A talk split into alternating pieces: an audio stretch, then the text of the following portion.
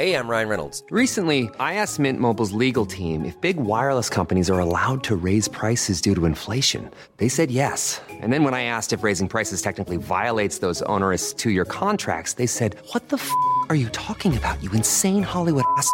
So to recap, we're cutting the price of Mint Unlimited from $30 a month to just $15 a month. Give it a try at mintmobile.com slash switch. $45 upfront for three months plus taxes and fees. Promo rate for new customers for limited time. Unlimited more than 40 gigabytes per month. Slows. Full terms at mintmobile.com. Hey, I'm Ryan Reynolds. Recently, I asked Mint Mobile's legal team if big wireless companies are allowed to raise prices due to inflation. They said yes. And then when I asked if raising prices technically violates those onerous two year contracts, they said, What the f are you talking about, you insane Hollywood ass? F- So to recap, we're cutting the price of Mint Unlimited from $30 a month to just $15 a month. Give it a try at mintmobile.com slash switch. $45 upfront for three months plus taxes and fees. Promo rate for new customers for limited time. Unlimited more than 40 gigabytes per month. Slows. Full terms at mintmobile.com.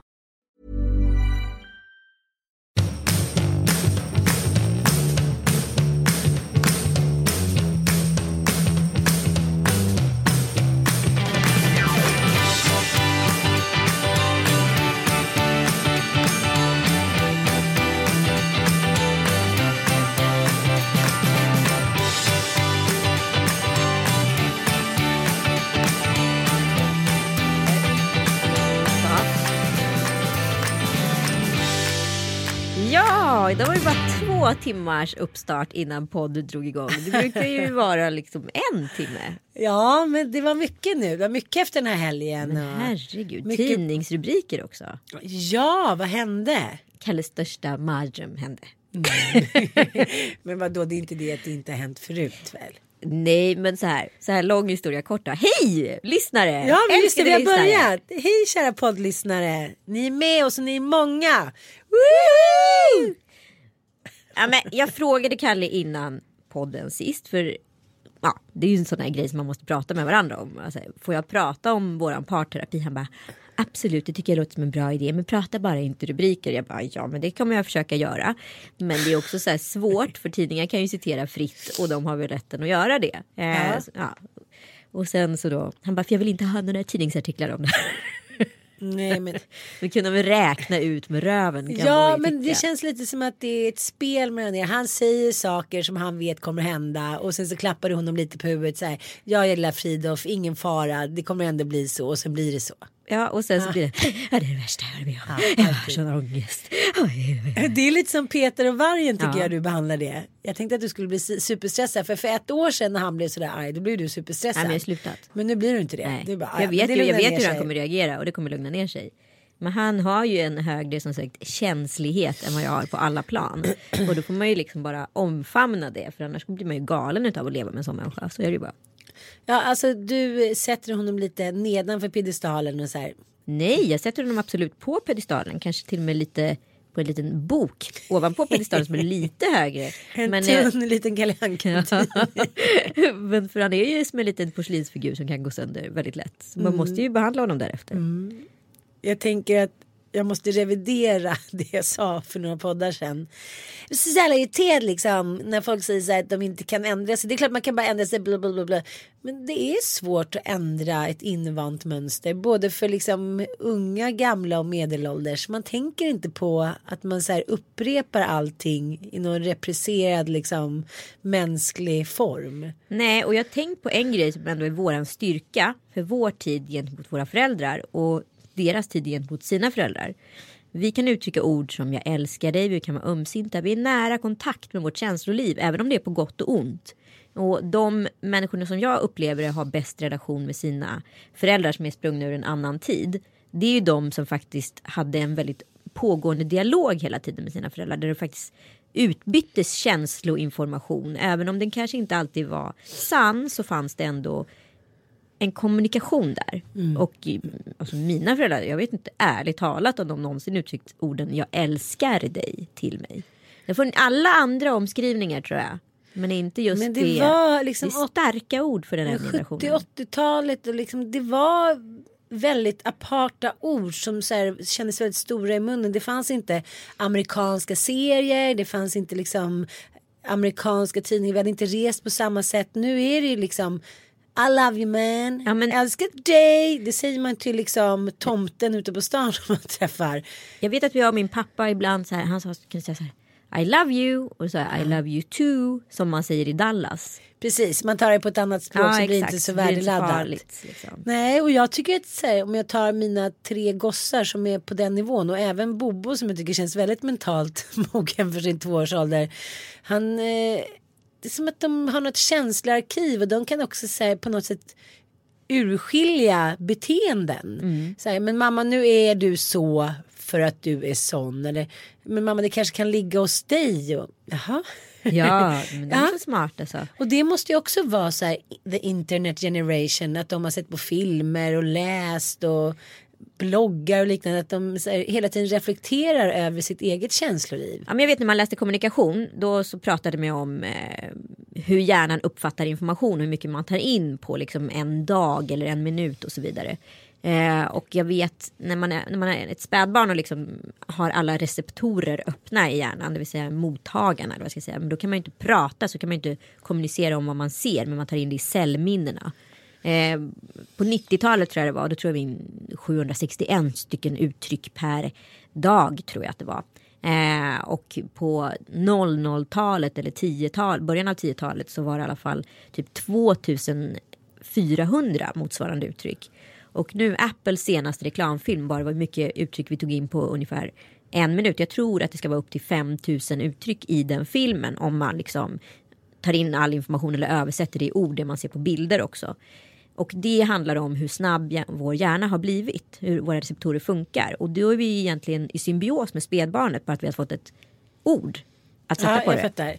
Men jag kollade på den där reklamfilmen och kände mig så märkbart avslappnad. Ja. När, jag, när jag tittar på den här filmen. Det är bara så här, man kan ju slötitta och uppfatta all den här informationen. Men skulle du sätta din pappa eller min pappa framför den, de skulle ju inte förstå hälften. De skulle inte hinna med.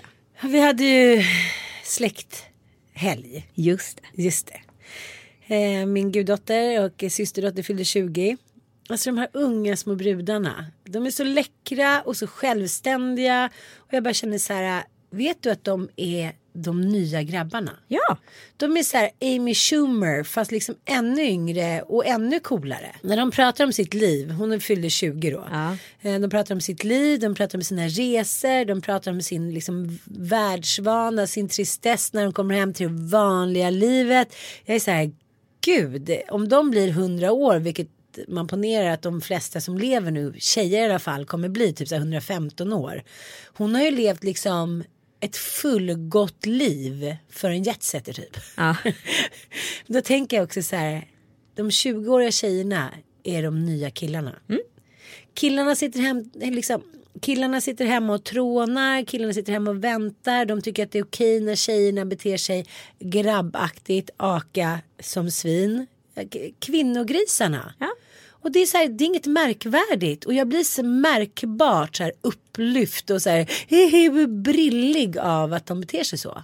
Ja, men tillbaka till det som hände på Sofia Wistams eh, 50-årsfest. När killarna inte visste hur de skulle reagera på strippan. Alltså det här är ju det nya samhället. Att männen måste hitta sin form i den nya kvinnorollen. Där vi liksom på något sätt tagit över deras gamla spelplan. Och vi kan bete oss, vi kan vara och vi är voyörerna, vi är intelligenta, vi är kulturella, bla bla bla bla bla. Vad vi nu är. Och det, det är så här, de måste ju hitta sitt nya jag i det. Jag förstår att många män idag, jag förstår att många unga män är förvirrade, liksom många unga kvinnor också. Men framförallt så är det ju männen som måste omdefiniera vad mansrollen är. Ja, För vem... den vet ju inte vi heller riktigt nu. Nej, någon måste ta tag i det. Ja, Ja men alltså det är ju så här, det är unga människor som bara liksom inte har någon, de har ingen kod för vad det handlar om längre. De ser sina föräldrar, de kanske ser på tv-program, hör på radio men det är inte alls så deras verklighet är. Jag tycker det här är så otroligt spännande. vi känner ju vikten av att så här, utsätta oss för obekväma grejer hela tiden. Ja. Mm. Det händer ju exakt hela tiden och vi måste göra det. Och eh, jag har ju börjat Jag vet vad du har börjat med. Jag har ju börjat med en så här, med skri... Jag har börjat med en musikskrivningskurs. Ja, du har blivit inspirerad av Läckberg. Nej, vad då gör hon det? Ja men hon håller ju på och skriver Ja, låtar. skriver låtar. och- Jaha, nej, Ja, jag är inte intresserad av. Läckberg. Utan jag är intresserad av musik och alltid varit. Och det här är en guilty pleasure för mig. Jag håller alltid på och skriver om små musik. Trudelutter hitan och ditan och små verser. Och förr i tiden var jag jättebra på att rimma och sådana här grejer. Kunde Men vadå, jag fattar inte. Skriver du både sång och musik? eller Nej, skriver du bara texter? nej, jag skriver bara text. Alltså det är text jag i sådana fall är bra på. Sen är jag bra på att höra melodier. Men jag är ju inte musikaliskt skolad så att jag kan ju ingenting. Du sitter inte med en liten Jag sitter inte med en liten synt och plinkar. Liksom. Det Nej, känns väldigt roligt. det var väldigt roligt. Nej men grejen är ju så här att utsätta sig. I grunden tycker jag det handlar om att man ska utsättas för någonting som är obekvämt. Som du och jag lever som ändå har möjligheten att ta del av jävligt mycket. Vi lever i en spännande tid i ett informationsflöde och med en, ett socialt umgänge som kan nära oss och våra egon på en jävla massa sätt. Ja. Då handlar det om att vi utsätter oss sällan för saker och ting som är obekvämt. Det är obekvämt för väldigt många andra människor det vi gör. Typ sitta i en podd eller prata inför folk eller vad det fan nu handlar om. Men att här, utsätta sig för någonting som är obekvämt för oss det är ju egentligen att delta i en kurs. Ja. Med så här vanlisar. Men är det, så här, är det på kurs på typ Medborgarplatsens bibliotek? Ish. Och Wow. det är ju väldigt olika nivåer. Det är allt från liksom en känd sångerska som är där till någon som är författare som inte har något musikintresse egentligen men ett textintresse. Och sen så är det ju väldigt så avancerade musiker där som är där. Allt ifrån de som har skrivit någons album som är någon så här USA-list etta typ ish. Eller har varit. Och vissa som bara precis har börjat plinka och funderat lite på det här med text. Så det är väldigt roligt att det är så här sjukt bred nivå på det. Men då ska jag ge dig lite inspiration nu här. Jag ska spela Läckbergs senaste alster. Jaha. Kärleken är fri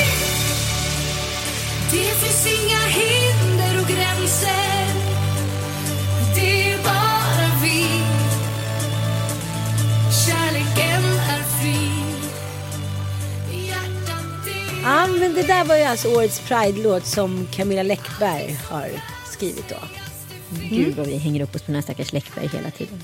Nej, men vad då? Jag försöker ju bara förklara för dig var Jag du ska hämta din inspiration ifrån. Dår. Ja, men Ja, och jag har också googlat nu medan jag lyssnar på den här fina sången. Och en av de viktigaste tipsen för att bli en bra låtskrivare det är att du ska skapa unika metaforer. ja. ja, jag, Du vet hjärta, smärta, Ja, fast det där är inte en räka, metafor. späka. Det där är inte riktigt en metafor. Men du vet, men omskrivningar för Ja, så att det inte det- blir klyschigt. Vem är väldigt bra på det? ja, men Bob Dylan. Fantastisk. Fantastisk. Eh, John Lennon. fantastisk. Jack White. Fantastisk. Alltså det finns väl hur många som helst som är jättebra på det. Och Jag eh, tycker att... Eh, Tori Amos är helt otrolig med Ja, Cornflake hon Girl. Alltså de där är ju helt... Joni Mitchell. Ja, jättebra. Men det hon Umbrella. gör... Umbrella. Nej, men det hon gör eh, är ju att använda egentligen klichéer. Det är två olika typer av skrivande. har jag. Hon, jag är inte inne i din hjärna. Camilla Läckberg Ja. Mm. pratade vi om. Eh, det, och det är ju så här, ja men det är hjärta smärta, alltså de klichéerna. Vi håller på att träna någonting som heter så här object sense writing. Förstår du vad jag menar? Ah, ja, ja. Eh, det betyder att man använder objekt. Alltså så här, om det nu är en rökig lokal. Då kan det vara att röken går i lockar precis som hennes hår eh, lockar dig till att. Alltså att man använder den typen av objekt. Vi får egentligen bara utgå från så här sinnena. Man får säga så här, eh, man får tänka så här känsla eh, syn, hörsel, alla, alla känslosinnena. Men du får egentligen inte använda dem. Utan du ska beskriva text utifrån det utan att använda orden.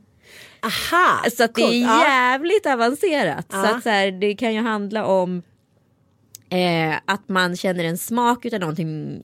Men det kanske inte är det. Du kanske vi ska få fram att säga jag älskar dig. Hur ska Mm. du säga jag älskar dig utan att säga jag älskar dig?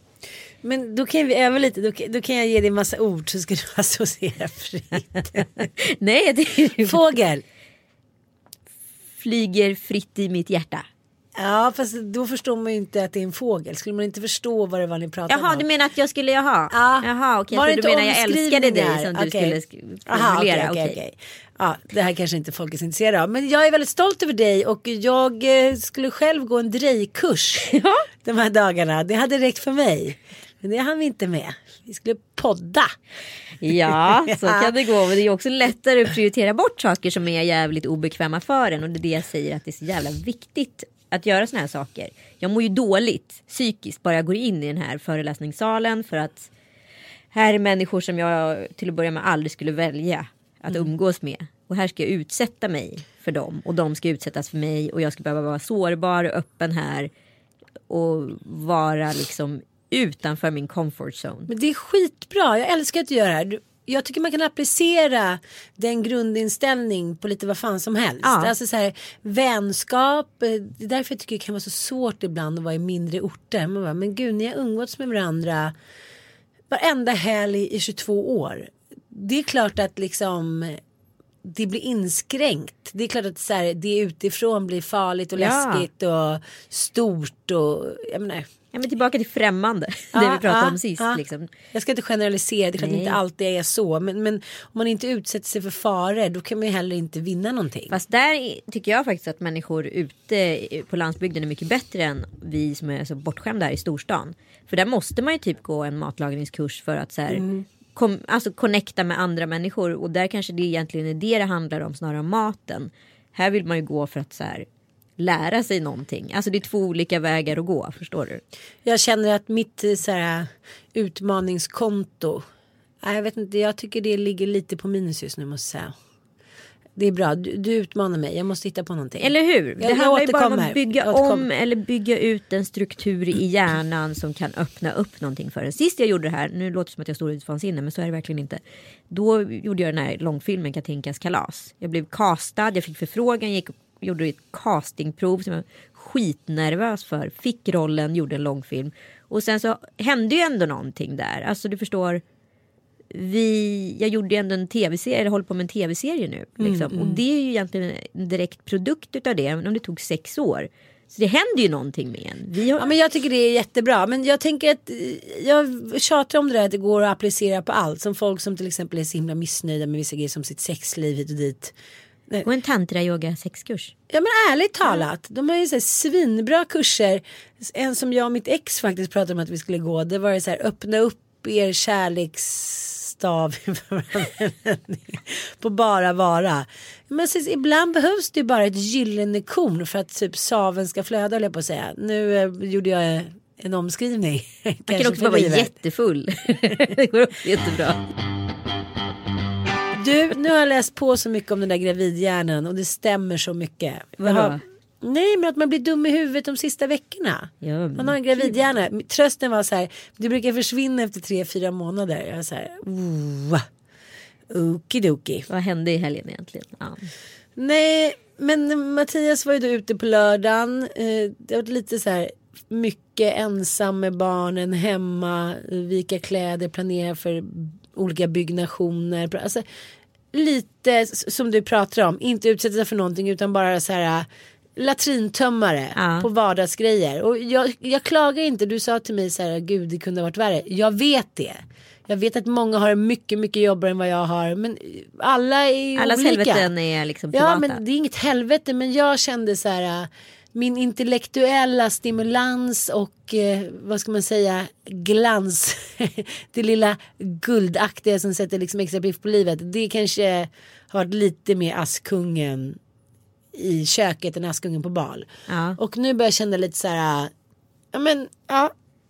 Så att man säger, en liten spirande craziness att jag bara så här, går där hemma och gör samma saker hela tiden och Mattias är iväg och så här, wow. Sen som han säger om man jämför med många andra an som han då vill åberopa. Många andra som reser väldigt mycket. Då tog han också upp eh, det utmärkt dåliga exemplet Jenny och Fredrik. Han ville jämföra då för att då har Fredrik varit i Kina några gånger. Men jag försökte försökte säga så här. Dels är deras lägenhet tipptopp. De har inga småbarn. De har en 14-åring och en 15-åring som sköter sig helt själva. Eh, på vilket sätt vill du göra jämförelse med oss? Ja, han tyckte ändå att det var en jämförelse. Att jag inte skulle klaga då om man säger så. Så då var jag på otroligt dåligt humör igår. Alltså så här, som jag inte har varit kanske på flera år. Alltså jag var så här, jag höll på att spricka. Ja. Det var så här, drömma i dörrar, eh, bara vara otrevlig. Han, då sa Mattias, alltså tråkigt, du tar fram mina sämsta sidor och jag tar fram dina sämsta. Jag bara, "Ah, whatever you say. Men sen så står jag där i garderoben som, ja, tänk dig garderoben, tänk dig lilla Beirut. Man har bara tagit alla jackor man någonsin har haft sedan 1990. Han slänger ju aldrig någonting. Och så har man bara lagt dem i en liten, liten garderob. Mattias. Ja men vi alla liksom. Vi har ju inte så Så mycket. det är bara som öppnar den så är det När som man att öppnar så det liksom, så här, ballonger som "Ohej!" flyger ut. Va? Men man kan också hitta roliga grejer. Jaha, absolut. Diamantöringen.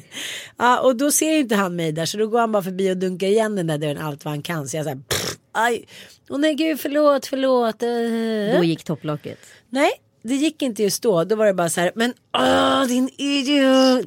Men sen gick det någon timme så stod jag i köket och Sekundärilskan, den bästa ilskan. Ja men den var så, den var, ja, den var inte en sekundär, den var så här eh, rektangulär, nej den var inte vad den var, linjär. Det var bara så här en grej till och liksom ja, ja topplocket skulle gå. Ja. Och det visste jag ju liksom, men jag var inte riktigt beredd. Stod vi i köket och så eh, ska jag plocka upp från diskmaskinen och så kommer han och drämmer till allt vad han kan. Förmodligen ser han inte mig eftersom jag är en sån liten valross och vi har så stort kök, 8 kvadrat. Eh, så då drämmer han till liksom köksdörren, ja, skåpluckorna i mitt öga. Det låter som en misshandlad kvinna som skriver om sin historia. Ja men det här, allt var det här var ju såklart inte så dramatiskt men du vet då var det bara så här. Jag började fäkta och grät och liksom, jag bara fick ett sammanbrott liksom. ja. Mm, han blir så rädd. ja, men det förstår jag. Nu låter det som att det här är vanligt men barnen verkar inte reagera. Vad det hände då? Du slog honom? Ja, jag, jag fäktade. Vad betyder det? Ja, Förklara för våra lyssnare. Så ja men fäkta, alltså så här, jag, jag, jag, ja, jag slog honom. Eller jag liksom, vad heter det? Lapp, lappade till honom fast ja, på kanske inte i ansiktet. och liksom, ja lite. Öppen ja, handflata. Slå. Ja, ja, fler, massa gånger. Ja, var- och så började jag gråta jättemycket och så låg jag i sängen och grät. Eller jag satt i sängen med min mage. Jag bara kände mig så här som alla, så här urmoden för alla kvinnor som varit gravida och tyckt synd om sig själva. Och så ringde en av mina bästa kompisar och så här, grät jättemycket för hon tyckte så här min man förstår inte hur jobbigt det är att vara gravid, bla bla bla. Så tänkte, så det är inte helt enkelt. Men eh, det är väl det här att det är svårt att sätta sig in i varandras världar. Fortfarande 2016 liksom. ja men såklart. Jag vet inte. Och det är väl, det är väl som du säger också att man, man kräver så mycket av den andra som man egentligen vet att man inte kan få. Och ändå så fortsätter man med sina så förhoppningar om att en dag kommer hen förstå vad jag har för behov. och då kommer jag inte känna mig så ensam längre. Men det finns ju en metafor som är ganska rolig. Det handlar om så här. Om du blir arg på att du halkat i en hundbajs. Ska du vara arg på hunden då? Eller ska du vara arg på hundägaren? Ja. Alltså att det inte går liksom att så här adressera ilskan riktigt här. Och det är ju samma sak här. Är du arg på liksom Mat- Mattias aktioner att han drämde dig i huvudet med en dörr eller är du arg på honom? Vad är det som ligger bakom? Liksom? Ja, eller är du arg på hela situationen. ja exakt. Men det är också så här, man kan ju inte berätta om allt man tycker är jobbigt heller. Nej. Ja, då framstår man ju liksom, ja, då är det ingen som orkar vara med en. Och det är det som jag tycker är liksom, det är det som är den svåra ekvationen. För att i dagens samhälle så får man inte visa sig svag.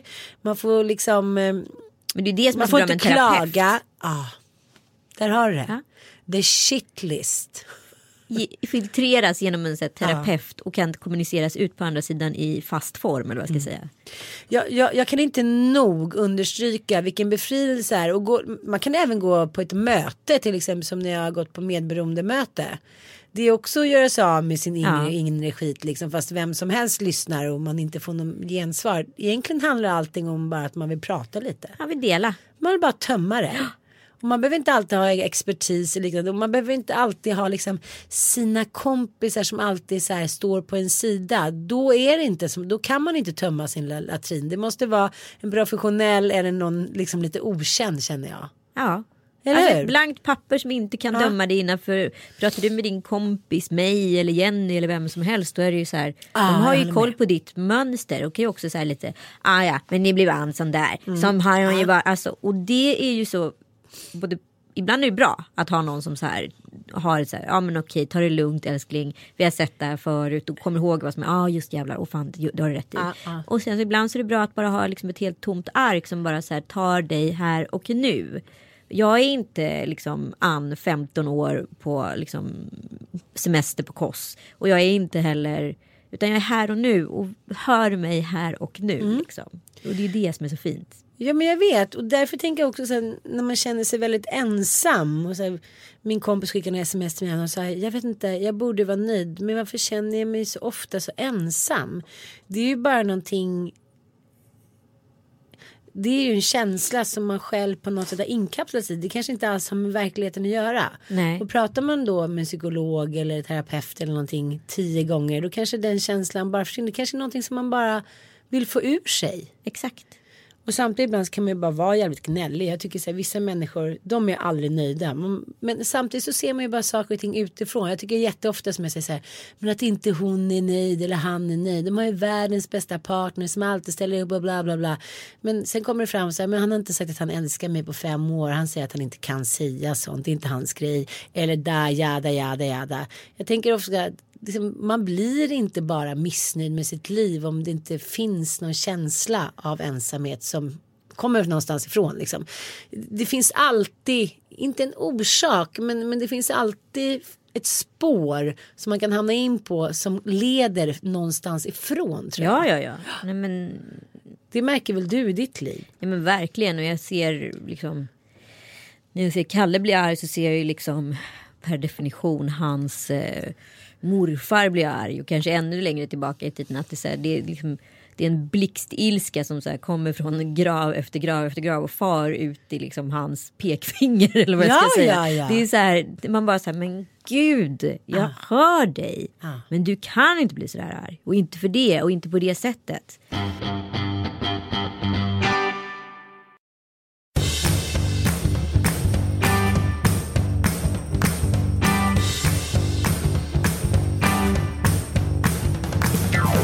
Jag ville prata med dig då om Underbara Klaras blogginlägg i morse. Nej, jag har inte läst det. Nej, hon är då, om jag har förstått det rätt, eh, liksom på sin morfars sommarställe. Ja. Och han har gått bort och hon berättar då hur hon upplever att vara där och använda samma fiskeredskap som han gör. Ja. Och så när jag läser det här så tänkte jag att det här är en jätte, jättefin text om hur eh, liksom, ja, men stolthet går i arv, hur mycket hon saknar sin morfar och, och hit och dit. Och lugnet i hennes liv. Och jag tycker hon framstår som ganska lycklig. Och samtidigt så är det inte det jag vill analysera. Jag vill analysera att eh, vissa människor kan skriva sådana saker och så vet jag inte om jag ska skratta eller gråta. För att hon är liksom nästan den sista torparen som står för det. Förstår du lite vad jag menar? Ja. Och hon har också gjort sig pengar på det. Hon är en modern kvinna som lever liksom ett gammelliv. Får Mm. jag läsa lite? Absolut. Mina händer håller i samma redskap som min morfar en gång höll. Han finns inte längre. Men när jag sitter på hans hemsnickrade bänk med fiskenätet vid fötterna och en hal abborre i nävarna så är det hans stora arbetarhänder jag ser. Hur han vant, hur de vant och säkert styr båten, plockar loss fiskarna, hänger näten på tork. Jag hämtar hans bärplockare från vedboden med initialerna KG och skriver la la la. Går upp på backen ovanför gården där han föddes, fyller en spann med rött höstguld. Om han såg allt jag gör, sånt som han en gång gjorde, så vet jag hur stolt han skulle vara. Mormor gav inte komplimanger, men morfar gjorde det. Opassande stolt. Märkvärdig inför andra. Bla bla bla. Det här är ju väldigt fint skrivet. Ja. Och eh, ändå så blir jag stressad av det. Och det här kan ha att göra med att jag inte har så stor släkt. Jag har träffat min pappa för första gången på flera månader i helgen. Jag har liksom slungats tillbaka till en historia som jag kanske försöker springa ifrån. Förstår du vad jag menar? Ja. Och så läser jag något sånt här och så vill jag först liksom jag vill skratta åt och så vill jag komma hit och prata med dig i liksom podden så här. Gud vad liksom pekoral. Och sen så på vägen så fastnar det lite så här. Men för att någonting är äkta och tar lite tid. Liksom då vill jag avfärda det. Det blir för jobbigt för dig. Ja men jag vet inte. Kan du analysera det här? Nej men jag tror så här, det finns ju liksom, det har vi väl alla. Men vi har ju mycket sår. Alltså alla har ju sår. Och ditt sår är väl att så här, du har liksom inte en önskad situation med din pappa som du kanske hade en gång i tiden. Du är ändå pappas flicka. Ja. Eh, och då blir det här liksom för drabbande med någon som vågar beskriva det för nära eller? Eh, För Ja. att du skulle när du pratar om din pappa så måste du omskriva honom till ditten och datten för att så här, ens stå ut med tanken på hur er situation har blivit. Och då blir det så här, varför har hon rätten att skriva det här om sin morfar? När inte jag kan vidröra ens det hon beskriver med ord. Mm, jag fattar. Så blir jag kanske bara avundsjuk på att hon så här, tar sig tid att göra såna här grejer som jag skulle dö uttråkningsdöden för. Men jag tänker att jag kanske har kommit någonting på spåret älskling. Förstår du? Att så här, att vi inte på något sätt vill veta av vårt ursprung längre för att vi ska hinna springa utan att så fastna i olika nät. Ja, jag fattar vad du menar. Men jag hamnar ju i den här grejen på guldknappen. Vi skulle föra ett litet artig diskussion över bordet. Jag hamnade bredvid en ung skådespelerska som var väldigt man säger, så kulturell. Ja. Och jag upplever ungefär samma irritation som du gör nu. Där hon pratade om att hon hade börjat eh, fiska. Men vilken otrolig adrenalinpåslag. Fisket? fick Utav fisket. Så, och då var jag tvungen att göra en, En sån, mört! Nej, men var jag tvungen att göra en sån snärtig Anita Ann grej. Jag bara, fiske, adrenalinpåslag. Ja, det är ju väldigt lång ansats innan det adrenalinpåslaget kommer. Men jag förmodar att man sänker sina lägsta högsta nivåer. Så jag bara. Och sen var det liksom, det var diskussionsdödaren. Hon bara vände. Hon nickade artigt och vände på huvudet och pratade vidare med någon annan. Men då kan jag bli så här. Ja, det kanske var en väldigt så här ung omskrivning av vad fiske är. Hon vill hitta någon så här större mening med fisket. Att det nästan är tele, liksom terapeutiskt. eller Ja, att vårt ursprung. Ja, vi, av fiskar är vi komna. Ja. Men det är det som stressar mig med dig och mig. Att vi inte ens kan gå på musikal och njuta. Jag skulle precis komma dit.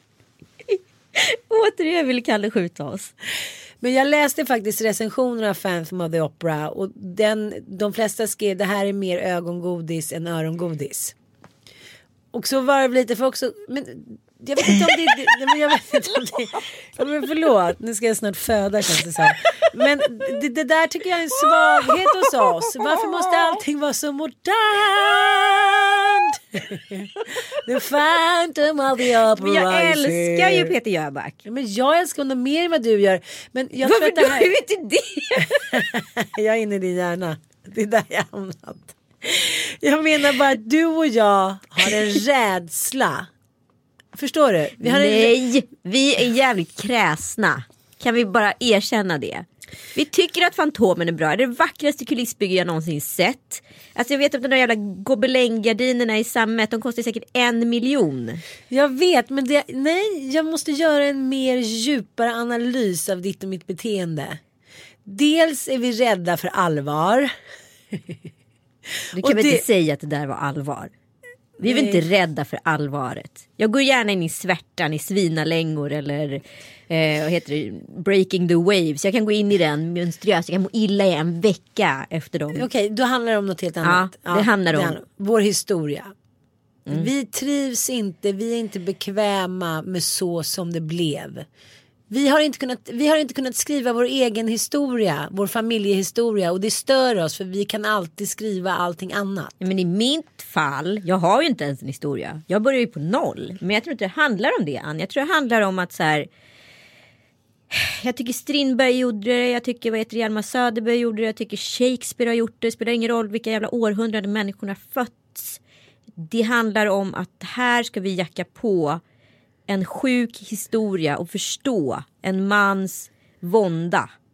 Det här är en jävla idiotjävel som håller en teater med ett gastkramande grepp. Han får en kvinna som egentligen han bara försöker piska upp att så här, älska honom och i slutändan så är hon så himla dum i huvudet så hon väljer ju honom. Mm.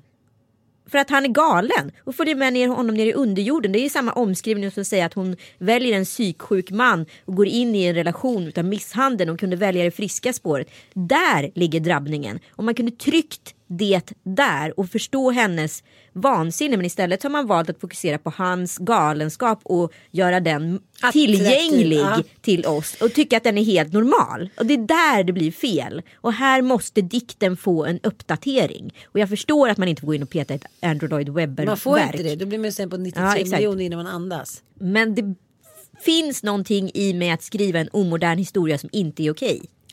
Men du har ju skrivit en låttext nu till vår show på Intiman låttext. 7 Ja, december. det kommer en jullåt Gå in och köper biljetter. Så får ni komma och träffa oss. Men förstår du vad jag menar? Jag Jo, tycker men den var okej. fantastisk. Okej, då gör jag nu, nu, nu gnuggar jag mina geniknölar. Då handlar det om det här. Den moderna feministen och kvinnan i mig som, liksom, som jag faktiskt föddes med i mitt blod. Den, har liksom, den syndes där så tidigt i hela min approach. Även fast jag kanske inte fick den med modersmjölken. Så liksom jag, jag föddes faktiskt som en modern feminist. Fast liksom på mitt eget sätt. Jag är ingen så här. Jag har inte bränt några bh men det kanske kommer. Då stör såna här epos mig. Underbara Klaras text stör mig för att jag tycker att de fastnar i något gammalt. Eller är, det därför, är det förklaringen till allt? Jag vet inte om det är förklaringen till allt. Men det för, förklarar åtminstone att så här, jag tycker man ska se den hur som helst. För jag tycker att det är en storslagen upplevelse. Men jag tycker att det är någonting, precis kanske som i Underbara Klaras text där. Att det är en nivå som inte är uttalad. Och när man inte belyser den nivån. Förstår du? Känslomässiga okej, jag nivån. fattar, jag fattar, jag Då missar du också så jävla många poänger. Så den berör mig, men den rör inte mig. Och vet du vad jag tror att det mer handlar om? När jag läser såna här texter då ser jag hennes då eh, mormor eller farmor, jag kommer inte ihåg. Eh, jag tror också att det handlar om det här. Bakom den här mannen eh, så skriver ju hon jag tror att det handlar om det här. Underbara Klara skriver om hennes underbara morfar som skryter om dem hit och dit. Ja, då kan man skryta om någon annan rensar fisken, om någon annan liksom torkar ungarna, om någon annan sköter liksom, ja nu är ju inte Underbara som morfar, men, men alla suputerna som liksom man har vuxit upp med, hustrumisshandlare. Det har ju varit en tuff värld för kvinnor att växa upp i i Sverige. Ja men liksom potatisåkrar och den svenska liksom nubben. Ja, kvinnor har inte haft särskilt lätt liksom. Nej. Och då tror jag att det är en känslan i mig att män alltid ska glorifieras. Deras drickande alla Lex Cornelis Vreeswijk. Ja, men kan vi komma in på det? Det, ja, vi gör det nu. Ja. Deras liksom eh, geniskap, deras underbara faderskap för att de liksom har åkt två dagar till typ Ullared och så här, kollat på en get. Då är de så här, de bästa papperna ever. Att jag tänker så här att jag på något, tar på mig någon kollektiv rannsakan för alla män som så här framstår som så härliga i varenda jävla bok, återberättelse och sen så alla kvinnor som har liksom varit lite galna eller gillat spriten lite mycket Lex Kerstin Thorvall, nu drack inte hon men du vet vad jag menar. De är liksom så här, ja de får lite upprättelse kanske liksom så här tio år efter sin död. Mm. Karin Boye, nej men alla liksom. Men jag förstår vad du säger, jag hör vad du säger och jag håller med dig. Jag tänkte verkligen, jag kollade om på Sällskapsresan häromdagen eh, och jag tycker den är fortfarande, alltså karaktärsmässigt har ju Lasse Åberg gjort ett epos här. På Ja, riktigt. ja, ja. Han har gjort de Han är absolut geni, han är särpräglat bästa karaktärerna nästan i svensk film. Alltså de är så tydliga. De är så, Ettan? ja, alltså, nej men det är ettan jag pratar om framförallt. Ja, ja. Jag tycker SOS också håller den nivån. Men ettan Nej, men ettan är ett avtryck. Ja, exakt. Och eh, om man då pratar om så här egentligen Sven Melanders liksom jovaliske fyllo. Eh, som åker ner med en t-shirt och packat sin packning i en så här, sy- systemet på. Så allt som denna Berra eh, egentligen står för. Det är ju att han är ett glatt fyllo. Och det här Ja. fyllot har ju präglat oss och vår uppväxt och vår syn på en alkoholist på ett Ja. sätt som är så här så jävla omskriven till en trivselgubbe. En mysgubbe som dricker lite och liksom har lite härligt. hela Sällskapsresans handling när det kommer till Berra det handlar ju om att de vill hitta det här 70-procentiga strårommen på Peppes Bodega. Och crescendot utlöses på grisfesten när de äntligen har hittat den och att den låg bakom hotellet. Parodin i det hela är att de är inne för, för spriten mer än för fittan. Och lyckan när de hittar spriten är så enorm så att så här, svenskarna slår liksom nävarna i taket och hurrar i kapp. Ja, det är så här unison utlösning från en hel befolkning Ja. när de äntligen hittar sin 70-procentiga strårom eller vad det är. Ja. Och eh, den tragedin som ligger bakom att de förmodligen liksom inte har någon kontakt med sin familj, deras fruar har lämnat dem, de kommer ligga och spy och kissa på sidan, skita ner sig.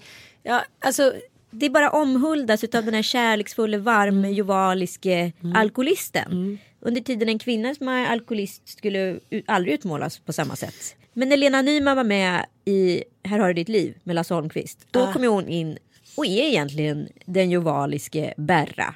Fast hon är kvinna. Hon är späd som en liten sparv och hon är full och hon slänger käft med Lasse Holmqvist på samma sätt som Berra hade gjort ifall han var där. Men så äcklad och så hatad hon blir utav hela svenska befolkningen där och då. Denna fulla fyllebutig kvinna. Varför är det så laddat? Nej, för att det är fortfarande den stora bilden av kvinnan är att hon är den som tar hand om. Hon är den som eh, älskar och beskyddar och ser till liksom att mannen ska ha det bra. Och det här har ju jag och Sanna Lundell märkt när vi har spelat in vår serie också, Djävulsdansen. Att de eller också på våra föreläsningar, alla våra mejl och bla bla bla. Att den mannen som står kvar vid den jovaliska fylletanten, om vi ska uttrycka det så. Ja. Nej men de blir ju helt stigmatiserade. De har ju inga vänner, de blir hånade, de har ingen kar, de har ingen kuk. De är liksom, hur kan du säga har du en fyllekärring eller? De får inga blommor när deras fruar har krökat ihjäl sig. Ingen pratar om det på arbetsplatsen. Det är sån skam. Det är, så här, det är fortfarande liksom den frodige mamman ska stå vid sin liksom, familjs sida. Och det säger forskningen också att om mamman försvinner från en familj och blir psykiskt sjuk eller liksom dricker för mycket. Ja men då, liksom, då faller ju typ hela familjen. Jo, men men om exakt pappan så. försvinner det är lite så här, "Ah, ja men det är sånt som händer. Ja men det är det jag menar. Det här har ju Men det här måste vi påverkat oss. ändra på. Ja men det här har ju påverkat oss från liksom, hur jag säga, blodsband. För att vi har ju inte heller riktigt förstått att människor är alkoholister i och med att de är ju som Sven Melander. Det är ju en glad Ja, gubbe som är liksom jävla lite... Svenne. Ja, som en jävla svennebanan. Det är inget konstigt att Sven Melander är ju hjälte i Ja. vår folksjäl. Men jag hör bara min pappas generation prata Inte om här Sven Melander då, utan fylleslag under liksom det glada 70 och 80-talet. Så här, skrattar som att det är roliga historier. Ja. Och det har jag också varit med om när jag varit på så här medberoende veckor eller varit på föreläsningar. När alkoholisterna själva liksom, när de faller och ska bli nyktra och berättar om sina historier så är det ju ganska roliga historier på pappret. Men gud ja. Jag kommer ihåg att en snubbe berättade om att han eh, skulle då fira midsommar. Han hade lovat sin fru för sjunde året i rad att han inte skulle dricka. Så han skulle dricka lättöl. Men då hade han hittat någon metod på nätet. För när det gäller sin alkoholism och sin flaska och sin älskarinna eller älskare så är de ju så uppfinningsrika så att ja, skulle man vilja liksom ha nya patent på någonting skulle man kunna sätta liksom ett gäng, ja, jag ska inte raljera. Nej men då hade han hällt i eh, whisky Ja, i sina det är ölflaskor. lite- Och så hade han hittat en teknik som gjorde att man kunde sätta tillbaka eh, kapsylen. ja. Så när de börjar sätta sig ner och ska dricka sillunch höll jag på att säga. Då tar han fram sina lättöl och det är mysig stämning och barnen är glada och frun är glad och släkten är glad. Och tänker så äntligen ska här bli lugn och ro. Mm. Men eh, då blir hon misstänksam för att i vanliga fall så dricker han ju en lättöl på, ja men du vet, en minut. ja. Och nu sitter han och smuttar. Så att hon är så här, mm, han ser hennes blick att det här är liksom, det här måste verka trovärdigt. ja. Så han sveper ju sina två öl med, med whisky då. Och eh, är ju då liksom spritförgiftad innan lunchen ens är över för att bli hämtad av ambulans. Och... Jätterolig historia tyckte han när han berättade den här. Det var lite tokrolig och vi satt där. Och sen så gjorde jag en sak som jag aldrig förr eller senare har gjort. Vadå? När jag hade hört ungefär tio sådana här historier i delningarna. Då kom det ett ljud uppifrån mig som liksom inte vet jag var det kommer ifrån. Det var inte planerat. Det var som ett eh, primalskrik rätt ut i salongen. Du skojar? Nej. Ungefär. Nu, så här, nu räcker det. Ja. Ungefär som när man precis ska föda. Ja. Och det är så här, den där sista, liksom, man tänker så här, jag kommer dö. Och så kommer det någon så här, ja men inte vet jag. Ja, någon där från lilla reptilhjärnan Ja, som och då bara det. så här skriker man så högt man ser ens karl. Så här. Ett sånt primalskrik kommer ut ur min liksom, strupe. Jag bara så här, nu räcker det. Det är fan inte roligt längre. Och liksom hela salen bara så här vibrerar. Och allt blir kaos och liksom folk börjar gråta. Och nej, men det blir så jobbigt. Men jag har fått så många mail efter det från de här snubbarna som säger så här. Tack snälla. Nu fattar vi lite bättre hur ni har haft det liksom. För det som är också omskrivningen är att de här människorna har ju varit under rus. Ja. Vet ju själv. Om du kommer hem från någon fest och Kalle säger så här, fy fan vad du eh, liksom höll på eller dansade så eller så skrattade högt eller inte fan vet jag liksom pratade om vårt liv, sexliv inför andra. Äh, Det var, det var väl inget märkvärdigt. Du är ju inte där och då för du är ju ditt rus. Jag ju på min andra Du är en nivå. underhållare, du är en Ja. primadonna, du är en estradör. Ja. Va? Skulle du säga Birgit Nilsson? Ja, ja. men precis. Det är jag som är Birgit Nilsson. Ja. Så att det, det, det är det man lätt glömmer bort tycker jag. Att man försöker prata då med alkoholisten och säga du förstår väl liksom att det här kändes inte så kul för mig. Nej, jag har ingen jävla aning. Nej men det var det mest drabbande tycker jag i min terapi efter det tog slut med mitt ex. Att alla minnen vi hade som var härliga minnen. Där innehöll det liksom stora mängder alkohol. Det var så här, jag vill ha ett liv utan att alkohol är en så stark del där vi så kan skapa våra egna minnen utan att de är filtrerade, färgade eller hänger ihop med någon så här slags härlig eller kaosfylla och där allting bedöms som om det var en bra kväll eller en dålig kväll. Det är därför det kanske är ganska bra att mannen också är avhållsam när kvinnan är gravid. För att det är en utmaning. Det är väldigt mycket alkohol liksom, i vår kultur. Det kan, man kan alltid komma in i ett gäng och ta ett par glas vin. Det ser man inne även fast man inte känner någon. Det är så här, It's easy living för oss som inte är amerikaner som är så här Hi, who are you? Come over to dinner tonight. Det liksom finns i deras blod för att de har så här, fått liksom börja om så många gånger och flytta eller liksom så här, sätta ner sina pålar någonstans. Men vi som sitter fast i den svenska myllan, det är väldigt svårt för oss att umgås utan alkohol. Ja. Så att nu de här sista fyra och en halv veckorna så ska Mattias vara helt nykter. Nej, det var väl bra. Ja. Jag är också helt inne på att kanske köra en vit månad igen. Jag tycker det är ganska nyttigt att göra det då och då. Dels för att man bara så här.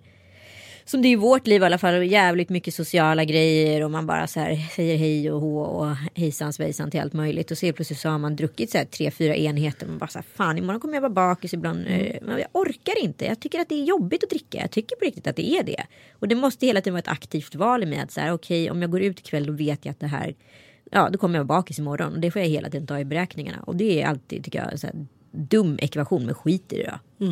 Och det slutar med att jag skiter i själva festen. Alltså där måste det, det är där det landar många gånger när jag, vä- jag väljer, gör den avvägningen liksom. Men nu har jag börjat köra mingel i alla fall ut med alkoholfritt och det tycker jag är ett så jättesteg för mig. Gud vad det blev djupt, vad fan hände här? Går med min baby shower. Ta det lugnt. I'm on to it. Puss och kram. Puss, kram.